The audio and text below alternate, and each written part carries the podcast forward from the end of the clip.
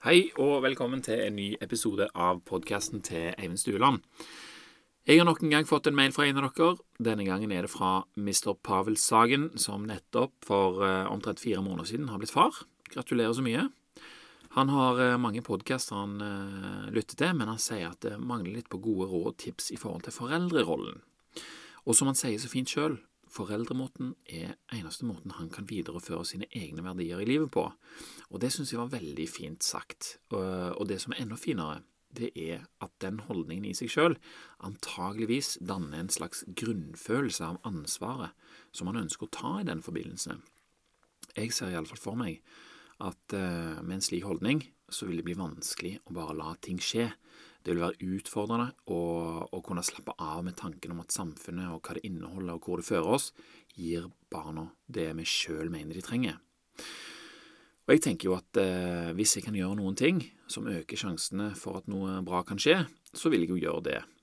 Og eh, når jeg ser at noe av det virker, så vil jeg gjøre mer av det. Og så vil jeg òg utforske hva for noen andre muligheter som dukker opp når jeg først har begynt å grave der. Eh, jeg anser mitt hovedansvar og oppdrag i livet nå, det er å gjøre det jeg kan for å gjøre ungene trygge på seg sjøl og omgivelsene, sånn at de får muligheten til å teste seg sjøl, utfordre seg, oppleve, se og finne ut av ting som gjør de selvsikre og robuste nok til å møte denne verden med sin egen oppfatning av hva som er bra og dårlig, rett eller galt. Jeg har eh, ikke så lyst å la det bli opp til tilfeldighetene, eller at, eller at, de bare skal godta andre ønsker om andres ønsker, om eh, hva de skal oppfatte som bra eller dårlig. Og så er jeg òg opptatt av at de skal komme nært sitt læringspotensial, at ikke det potensialet skal sløses vekk på dopaminspill eller andre ting som havner i kategorien som ja, som vi i vår familie har endt med å kalle for brain dead, da. Det er jo forskjell på å drive med noe som er brain dead, og noe som er på en måte ja, øker sjansene for at du skal forstå mer senere, for eksempel. Så der har du liksom to forskjellige kategorier. Eh, og så i tillegg, da, så håper jeg jo at det som er viktig for meg, skal flyte gjennom tungene mine, som da, med kritisk sans, kan ta til seg det de har opplevd som positivt i sin barndom, og tilpasse det til sitt eget liv, og mikse det med sine egne oppfatninger av hva de sjøl har eh, liksom funnet ut Eh, og at de skal finne ut av en enda bedre måte å gjøre dette her på til neste generasjon igjen. Altså Det er det ultimate, det er det ultimate utfallet og den langsiktige strategien her. Eh, og det som er med langsiktige strategier, de sørger for at Eller de sørger for å skape noen rammer for hvordan du har lyst til å oppføre deg nå. Eh, men dette her med foreldreroller og barn og sånt har jeg i utgangspunktet litt sånn uh, litt motstand, eller litt sånn Det er litt, litt, uh, litt skummelt å, å, snakke om. Men jeg har bestemt meg for at jeg skal øve på det i denne episoden her, siden jeg, siden jeg ble spurt. Det jeg prøver å si, er vel at det, det, er en veldig merkelig greie å skulle være en som prater om barn og oppdragelse, når jeg er vant til å høre på, på sånt fra andre som vet hva de prater om. For dette her er jo et sånn litt sånn det er vanskelig å forklare òg. Eh, men altså, når noen spør, så føler jeg at jeg kan våge meg litt utpå. Eh, for det er nemlig sånn, har jeg forstått det, at det fins ingen fasit. Det er ingen som har rett. Det er opp til oss å samle informasjon om ungene våre, om samfunnet vi lever i, om hva forskere har funnet ut, og hva vi sjøl finner ut. Og så kan vi tenke oss til hvordan alt dette her passer sammen i en verden som stadig forandrer seg, og som man ikke kan forutse med særlig suksess. Jeg bor i Sauda, andre bor i New York. Forskjellen er stor, men mange ting er òg de samme. Så jeg kommer bare til å si litt om hva jeg tenker om denne saken, rett og slett. Så, så får dere jo bare uh, tenke på det som dere vil.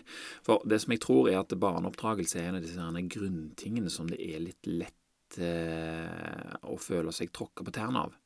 Sant? Eh, det er det som gir meg mest motstand, tror jeg.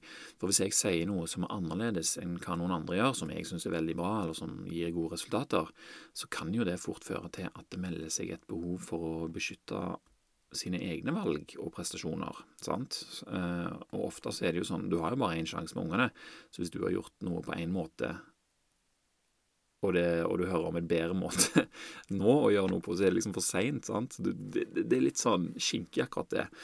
Eh, så jeg sier ingenting på det, at folk kan føle seg tråkka på tærne. Eh, det er langt fra lett alltid. Altså, Hvordan skal vi klare å følge opp ungene sin skjermbruk, f.eks., når vi har problemer med vår egen? Og hvordan skal vi begrense ungene våre når det ikke finnes grenser i omgivelsene våre på visse områder? Hvordan skal vi klare å bruke tid på nyttige ting som er vanskelige og mindre spennende enn underholdningen som vi hele tiden omgir oss med, som ikke koster oss noen ting? Og hva med alt det de andre får lov til? Skal min datter få ha smarttelefon fra første klasse med TikTok, Snapchat og YouTube bare fordi noen andre har det? Hvis nei, når da, og hvorfor? Sant? Her må det mye tenking og handling til. Og kona, kona mi og meg vi tenker jo hele tida på disse her tingene, og så, og så, prater vi om det. Både oss sjøl imellom og med ungene.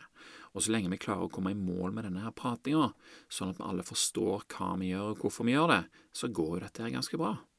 Sant? Det er jo ikke alle som forstår hvorfor vi gjør som vi gjør, men det er ikke så nøye når vi forstår det sjøl.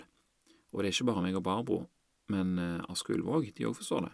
Godt nok til å kunne argumentere for oss, og godt nok til at vi ikke lar oss vippe av pinnen uten videre. Sant? Og godt nok til at vi tåler at andre eh, gjør ting som virker veldig kjekt nå, men som vi velger bort til fordel for noe annet som vi mener har høyere verdi. Vi endrer oss gjerne, men ikke før ting er gått nærmere etter i sømmene. Og Jeg forstår godt at det ikke alle kan gjøre sånn som oss, men kanskje kan noen av disse tankene gi noen ideer om hvordan en eh, skal få til noe annet, og som en faktisk kan gjøre, og som en har lyst på resultatene av. Sant? Og det er jo i så fall fint. Ehm, jeg syns i hvert fall det er ganske gøy å finne ut hva som er bra, og hvordan hjernen og kroppen fungerer. Eh, og som følge av det så kommer det tanker om hva vi kan gjøre med det man har funnet ut. Eh, men tanker om hva vi skal gjøre, det er jo noe helt annet enn å følge opp med det som en vet. sant? Og selv om det er her det er mest å hente, eh, så er det altså der utfordringen ligger. Og jeg tenker at eh, eh, jeg tenker også at det, det, er vår oppgave å tilpasse oss hvordan samfunnet fungerer, sånn at våre interesser ivaretas uten at det går utover andres. sant? Og hvis vi da velger å gjøre noe annerledes enn hva som er lagt opp til, så kan vi jo det, sant? hvis vi vet hva det betyr. Eh, og Så lenge vi vet hvorfor, og vi har oversikt over hva vi eventuelt går glipp av, Samuel, da kan vi unngå noen av konsekvensene som kan komme ut av eh, eh, at vi regner med å bli tatt, å bli tatt hånd om. Sant? Ofte er det jo sånn vi lever i et samfunn, så regner vi med at det, det, samfunnet er lagt opp på en måte som ivaretar oss. Det er ikke alltid, eller det kan ikke ivareta alle alltid. Noen har andre interesser, noen vil få til én ting, andre vil få til én ting. Noen er fornøyde med ditt, andre vil helst ha det sånn. Uh, så min grunntanke der er liksom at det, jeg Det er ikke samfunnet, sitt ansvar å, sørge for at det skal passe for meg, men jeg må skjønne hvordan samfunnet funker, sånn at jeg kan gjøre ting innenfor de rammene der, da, som gjør at jeg får uh, dekka det som jeg tenker jeg har lyst på. Uh, og hvis du leser Thinking Fast and Slow, så skjønner du raskt at en kan ikke ta for gitt at omgivelsene tar høyde for detaljer som er viktige for oss. Vi kan egentlig ikke stole oss på oss sjøl heller, sånn uten videre. Vi er nødt for å gå ting etter i sømmene og sjøl bestemme oss for hvordan vi vil gjøre ting. Sant? Samfunnet er bygd med logikk og fornuft, mens vi er bygd på instinkt og følelser, med en tilleggsfunksjon til å forstå logikk og fornuft. Jeg kunne bruke det. Eh, men det er en tilleggsfunksjon. Og Derfor er det viktig at planlegging av hvordan vi skal forholde oss til dette habitatet, skjer mens vi er i en tilstand der vi har overskudd til å bruke fornuft og logikk. Sant vel? Da kan vi planlegge for hvordan vi i framtiden ønsker å føle om eksempel våre egne prestasjoner i forhold til hvordan vi tok oss av ungene våre. Er du med? Vi kan òg drite i det, og så bare gjøre det etter hvert som behovet for avgjørelser dukker opp, men jeg tror at det da er vanskeligere å oppnå langsiktige resultater som en sjøl ønsker seg. Og så tror jeg òg at sjansene for at følelser og instinkt her og nå får mer å si for denne framtiden, eh, at det øker da. Eh, det er de langsiktige resultatene vi ønsker oss, som former hverdagen vår nå. Det, det, det, jeg, det er sånn jeg tenker, iallfall. Og utfordringen det er jo at det ofte må tas grep som er utenfor det som er normalt. Sant? Det er ganske krevende å skulle iverksette noe unormalt. Og Derfor er det jo litt digg nå for deg, Viktor, at du får høre dette nå, sånn at du kan være rar helt fra starten, for det er mye enklere. Men samtidig, ingen grunn til å frykte. Det er veldig mye rart i barseltida. Altså, folk har plutselig et altoppslukende prosjekt som betyr veldig mye for en. Man blir kreativ, og man får lyst til å gjøre ting. Alt i forhold til selvfølgelig hvor mye du får sove på natta og, og, sånne ting. Men altså her i Norge så får vi til og med tid til å styre med alt dette her. Vi får permisjon, vi får fri til å gjøre dette her. Tenk det. Eh, men i den perioden her så kan det være veldig greit å tenke at hverdagen den kommer tilbake, og da er det ofte litt verre. Sant? Derfor så tenker jeg at det kan være en fordel å tenke på denne her barseltiden med permisjon og sånne ting òg som en planleggingsfase. Sant? Vi skal ta oss av ungen vår, bli kjent med hvordan et nytt liv blir med den, og, og sånne ting. Men samtidig så kan vi òg gjøre oss opp noen tanker om hvordan vi ønsker å eh, gjøre ting for at vi skal få det bra framover. Og det er mange ting vi må skvise oss inn i når barseltiden er over og ting skal normaliseres. Og det kan være greit å være forberedt på det og ha undergjort en del tenking og tatt noen avgjørelser. For det som er normalt, det er jo gjerne det som setter mat på bordet. sant? Sørge for at vi har et hus og varme og mulighet for transport, klær, ting og tang og ferie, og at det er lett å samkjøre med andre familier, ikke minst. Tidligere så var det nok å si eh, at å skaffe disse tingene kompenserte for det en ikke fikk gjort med ungene våre. Sant? Det var viktig med varme, mat og hus og klær og sånt. Fast jobb i 100 det trumfa det meste, det. Det var bare sånn. Men nå er jo disse grunnleggende behovene ofte dekka nesten uansett hva som skulle skje. Uh, og hvis det er noen som føler at det ikke er det for deres tilfelle, så beklager jeg det. Men det er mange muligheter. Uh, men vi låser oss ofte sjøl i situasjonen vi er i. Det er ikke sikkert alle har det perfekt, men med det som fins, og våre egne muligheter til å justere egen livsstil, så er det svært få som ikke kunne klart seg med det som fins. Spesielt om en òg er åpen for å f.eks. bo andre steder enn der det er dyrt å leve. Og da mener jeg at denne her jobbgreia, og hvor vi bor, har en litt annen posisjon enn før, men at mange fortsetter i samme spor av gammel vane, istedenfor å designe livet sitt som en faktisk vil, da. Og sant, Jeg skjønner jo det at noen er vokst opp en plass, eller uh, at uh, et sted har mye å si for, um, for en hvor en bor. Men hvis det da blir vanskelig å gjøre de tingene som du har lyst til å gjøre med ungene dine, så må du jo begynne å veie de tingene opp mot hverandre. Og da blir det gjerne en løsning å, å flytte på seg eller å få en annen jobb eller sånne ting. Uh, for det jeg tenkte sjøl når jeg valgte å jobbe mindre og, og ha mindre penger, det var at jeg fikk mer tid med ungene, og at jeg kunne bruke mer av min kapasitet på å ikke bare overføre mine verdier til de, men òg til å stadig finne ut hva for noen verdier jeg faktisk hadde. Og, og det er en grunnleggende ting som gjerne blir oversett i en travel hverdag. Og der har vi det. En etablert sannhet. Hverdagen er travel, men er den egentlig det? Hva er det som gjør han så travel i så fall? Og hvorfor sier vi at det er grunnen til at vi ikke får gjort det vi sjøl ønsker å få gjort? Litt kaffe. Jeg tenker at det er summen av alt som preger oss gjennom hverdagen, og hvor god kontroll vi har på det, som bestemmer hvor travelt dette her føles. Det er ikke sikkert det hadde føles så travelt hvis vi hadde gjort nesten det samme, bare uten de tingene som skaper mest støy i hodene våre. Sant? Litt sånn 80-20-prinsipp. Hva om vi hadde spart hjernen for innkommende informasjon om morgenen? Sant? Tilbrukt den tiden eksklusivt med familien, som definitivt har noe med oss å gjøre, og som faktisk er der vi er. Hadde det vært mye å gjøre på jobb hvis man utførte det man skulle, i effektive bolker uten å sveipe innom diverse medier og svare på meldinger underveis? Er det travelt hjemme, eller kan det hende at man tar med seg travelfølelsen fra jobb? Hva om vi bestemte oss for at vi ikke var eh, på Hva om vi bestemte oss for at vi var ferdig på jobb når vi gikk derifra, istedenfor å lese to-tre jobbmail før middag eller etter fotballtrening, eller å planlegge å lese de fordi du vet at de har kommet i innboksen. Planlegge å lese de etter ungene har lagt seg. Da, går den og sviver i bakover og tar litt kapasitet, og bidrar til kanskje at du blir travel. Så kanskje, da, kanskje hadde det vært en løsning. Helt ærlig, de mailene de kan jo vente til i morgen. Og hvis ikke de kan vente til i morgen, så er det mest sannsynlig du som har lagt opp til at de ikke kan vente til i morgen. Du kan da òg legge opp til at de som sender deg mail, forstår at de vil få svar først i morgen. Du må lære dem opp til det. Sant? Det har iallfall jeg gjort. Det var lett å tenke, men veldig vanskelig å gjøre. Men du blir jo belønna som sådan. Altså, jeg har det jo helt topp nå fordi jeg har gjort dette her. Én ting er jeg i hvert fall overbevist om, alle kan redusere sin travelfølelse hvis de bare tar seg tid til det. Og de vil ta seg tid til det hvis de skjønner hva de får ut av det, sant? og hva de taper på å ikke gjøre det. For travelfølelsen, den påvirker hvordan vi er med ungene våre, og hvordan de forholder seg til oss. Og da får du plutselig en eh, litt annen, eh, ja, en annen vinkel, da. Sant? Så tenk litt over det. Eh, et stort paradoks det er jo at vi får lyst til å kompensere travle dager med belønning vi føler vi allerede fortjener for å ha hatt det så travelt. Og ofte så er det belønning som stiller oss i en vanskeligere posisjon i morgen. Mer underholdning, et par pils, noe digg. Bidrar det i seg sjøl til at dagene er travle? Altså, hvor mange klesvasker kan man henge opp på tre episoder? i tillegg til å ta ut oppvaskmaskinen og rydde alt klart til en hyggelig frokost du skal ha med familien din i morgen. Kunne vi klart oss med én episode?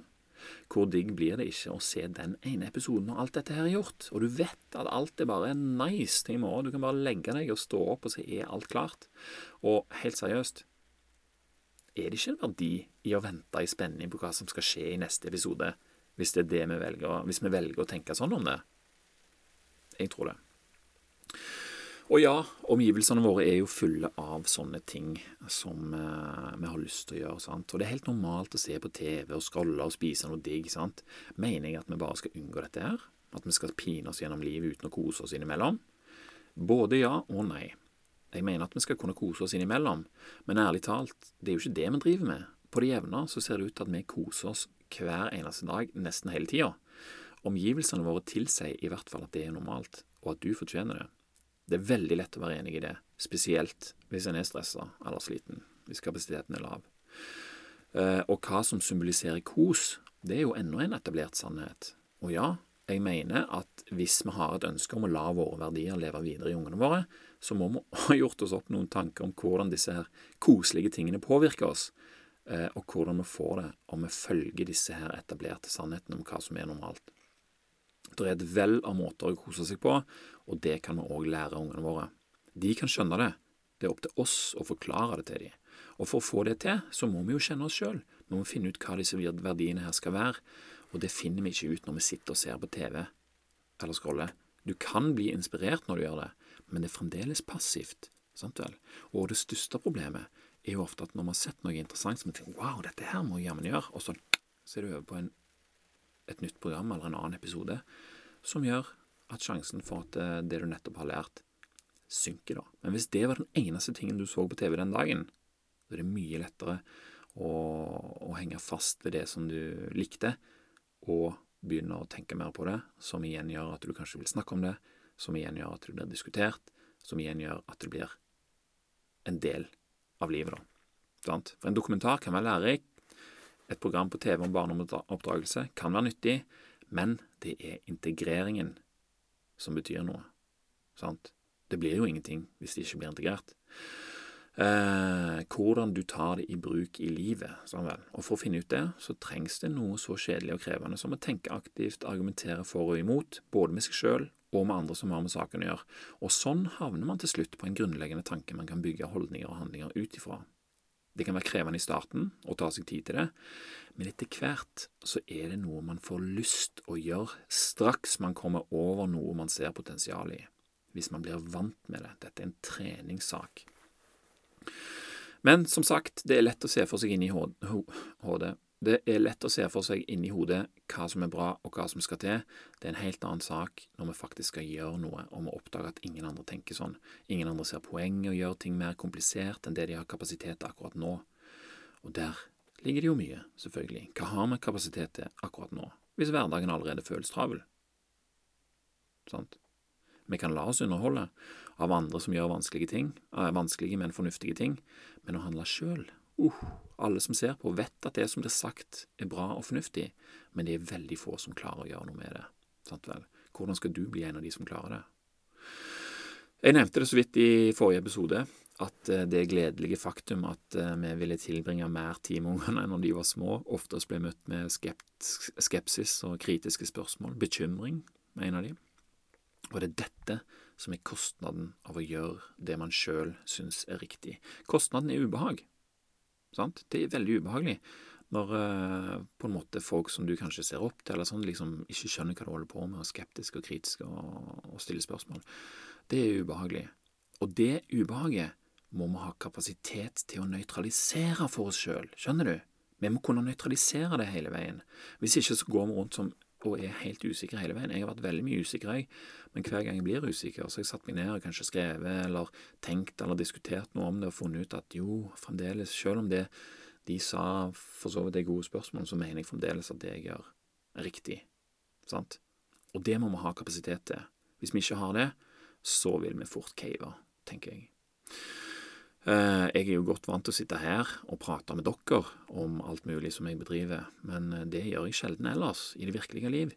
Og det er jo ikke eh, ikke før jeg har proba publikummet nok til å skjønne at de faktisk er interesserte. sant? At de ikke begynner å forsvare sin egen måte å gjøre ting på uten at de sjøl er klar over at det er det de gjør. For, for her, på podkasten så føler jeg det er folk som lytter fordi de vil lytte, pluss at dere Det er jo min fordel. Og Dere kan ikke avbryte meg og stille meg kritiske, kritiske spørsmål. Det syns jeg jo er veldig deilig. Eh, men det er jo klart det hadde vært veldig interessant med kritiske spørsmål fra noen som bryr seg og er interessert i hvordan en sjøl kan uh, dra nytte av noe av dette her. Men ikke fra noen som ikke vil at du skal gjøre det du syns er fornuftig, fordi de føler at det setter de sjøl og andre som ikke gjør det som du gjør, i et dårlig lys. Er du med på tanken? Jeg kan forsvare alt jeg gjør, veldig godt, men det er ikke der jeg vil bruke kapasiteten min. Jeg vil heller ha kapasiteten til å, den kapasiteten til å jobbe mer med det som jeg har funnet ut, sånn at jeg faktisk kan nyte denne her utravle hverdagen som jeg har eh, bygd for meg sjøl, som òg eh, selvfølgelig kan føles travel innimellom. Det er ikke tvil om det. Det er jo ikke et eh, vanntett opplegg, dette her. Uh, skal vi se Ok, så i første omgang, altså, en grunntanke om hva du skal være som en forelder. Det er et bra utgangspunkt. Og jeg spør meg ofte Denne her, denne her er, er mektig, altså. Hva vil ungene si om meg hvis de blir spurt når de sjøl er voksne? Sant? Og når jeg stiller meg det spørsmålet, så har det en enorm kraft til å styre handlingene og intensjonene mine i en retning som øker momentet av grunntanken min. Og det er ganske digg. Et annet spørsmål er hvordan vil ungene mine beskrive barndommen sin? Mitt ønske er jo at jeg skal være en positiv, positiv del i den beskrivelsen, sant? verdt å nevne. Pappa viste meg ditt og datt, mamma gjorde sånn og sånn, og de tok oss med på det og det, eh, som gjorde at vi i dag er så fornøyde med å være sånn som er. Sant? Eh, jeg vet jo ikke om det er det som vil skje, men jeg tror at våre holdninger og handlinger bidrar til det. Eh, øker sjansen for det. Jeg har iallfall et indre driv i den retningen der, og det indre drivet det mm, skal vi prate om i, annen, i en annen episode mm, med samme tema. Jeg har for så vidt lagd to episoder før om indre driv, og der tror jeg jeg snakker litt om hvordan effekten på indre driv eh, i forhold til belønning og straff funker på unger, så sjekk gjerne ut det. Jeg tror det var episode 100 og 101, eller noe sånt. Indre driv 1 og 2 heter de, så de kan du sjekke ut. Eh, for det er med indre driv vi skal motivere ungene våre til å gjøre det som vi ønsker for de. Og det var det for uh, denne gang, faktisk. Tusen takk til Viktor for dette forslaget her. Hva syns dere? Gir dette her mening? Har dere noe å tilføye? Dukker det opp spørsmål? Send de i så fall av gårde på en mail til eivind.podkasten.no. Og hvis du ønsker å bidra til at det kommer flere episoder, og at de fortsetter å være gratis og uten reklame for alle som vil høre på, så kan du vippse et valgfritt beløp til 4055 0737. Noen vippser én gang, andre har funnet et beløp de ønsker å vippse hver gang. Uansett, tusen, tusen takk til alle dere som bidrar, og til alle dere som hører på. Og en hyggelig bieffekt av denne her Vipps-ordningen, det er at det er så mange som har tatt kontakt med meg. Altså, de sender meg en beskjed sammen med Vipsen, eller at de sender meg en eh, mail i tillegg. Tusen, tusen takk for det. Altså, det er veldig kjekt. Og inspirert av denne her kontakten, så har jeg gått til det drastiske skrittet å laste ned eh, Telegram, Telegram på iPoden min. Eh, og jeg har lagt ved en link til min kanal på Telegram i teksten på episoden her. Så hvis du vil, så kan du koble deg på, og så kan det hende det kommer noen meldinger der etter hvert. Og det var det, folkens. takk for nå. Takk for at du hørte på. Vi snakkes neste gang.